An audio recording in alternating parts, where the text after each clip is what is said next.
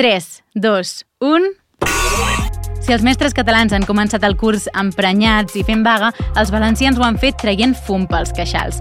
I és que els errors en el procés d'adjudicació de les places dels docents interins ha generat una crisi sense precedents al territori. Mestres que eren a punt de jubilar-se i s'han quedat sense feina.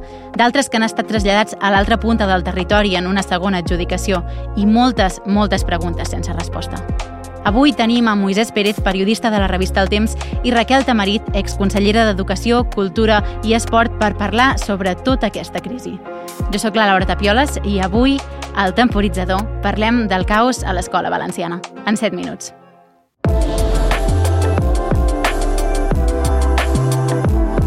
El Temporitzador, un podcast del setmanari El Temps.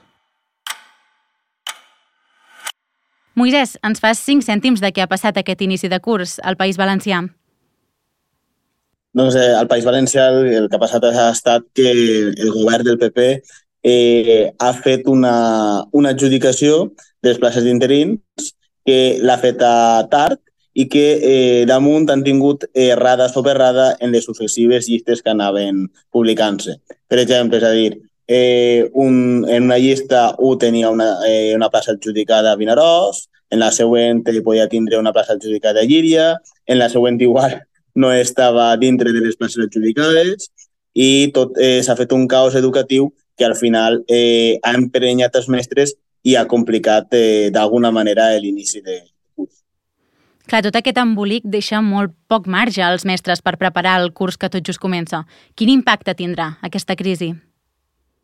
Mm, encara no se sap quin impacte tindrà, però sí que és cert que eh, en tindrà d'alguna manera, perquè, clar, eh, si els mestres fins a poques setmanes abans no sabien on tenien les seves destinacions eh, i això comporta, primer, eh, haver de buscar pis, haver d'instal·lar-se a la ciutat o a la població en el qual el toca, doncs aleshores són unes hores que no dediques tampoc a poder preparar-te. També eh, és cert i ha passat que el govern, valencià, el govern valencià, la Conselleria d'Educació, no havia expedit les, eh, les credencials eh, fins a pocs dies abans de que els mestres entraren eh, el dia 1 per a començar a preparar les classes. Això també, eh, d'alguna manera, ha dificultat eh, que es puguen eh, enllestir i els materials escolars per a tindre un inici de curs eh, correcte. A més, fins i tot, en escoletes de 0 o 3 anys uh -huh. no n'hi havien els professors suficients i aleshores eh, ha sigut tot un caos que encara eh, persisteix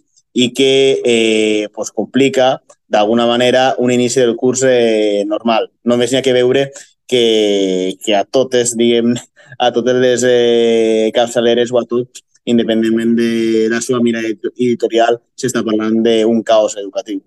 Uh -huh. Moltes gràcies, Moisès Pérez, company de la revista El Temps.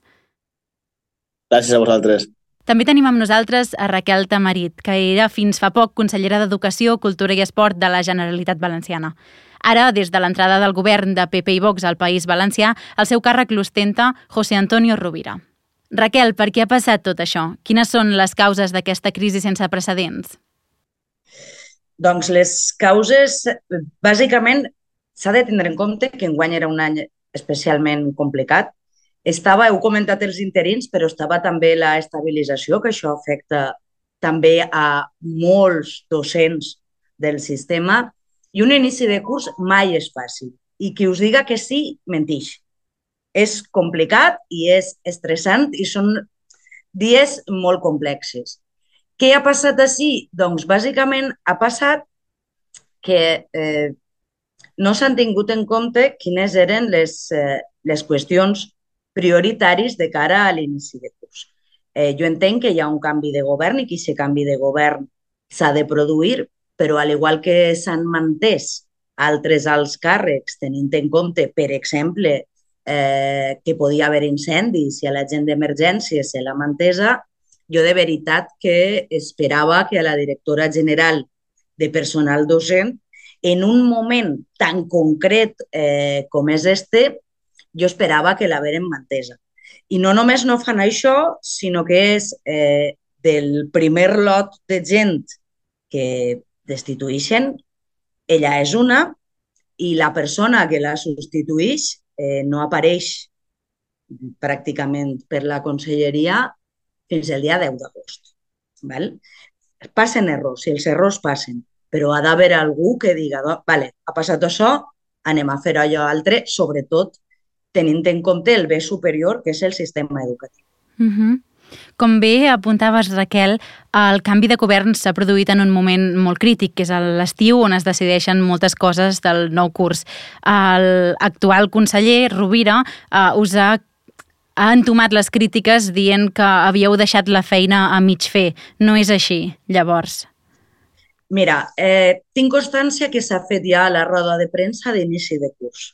Mira si ho hem deixat a mig fer que utilitzar les meues xifres.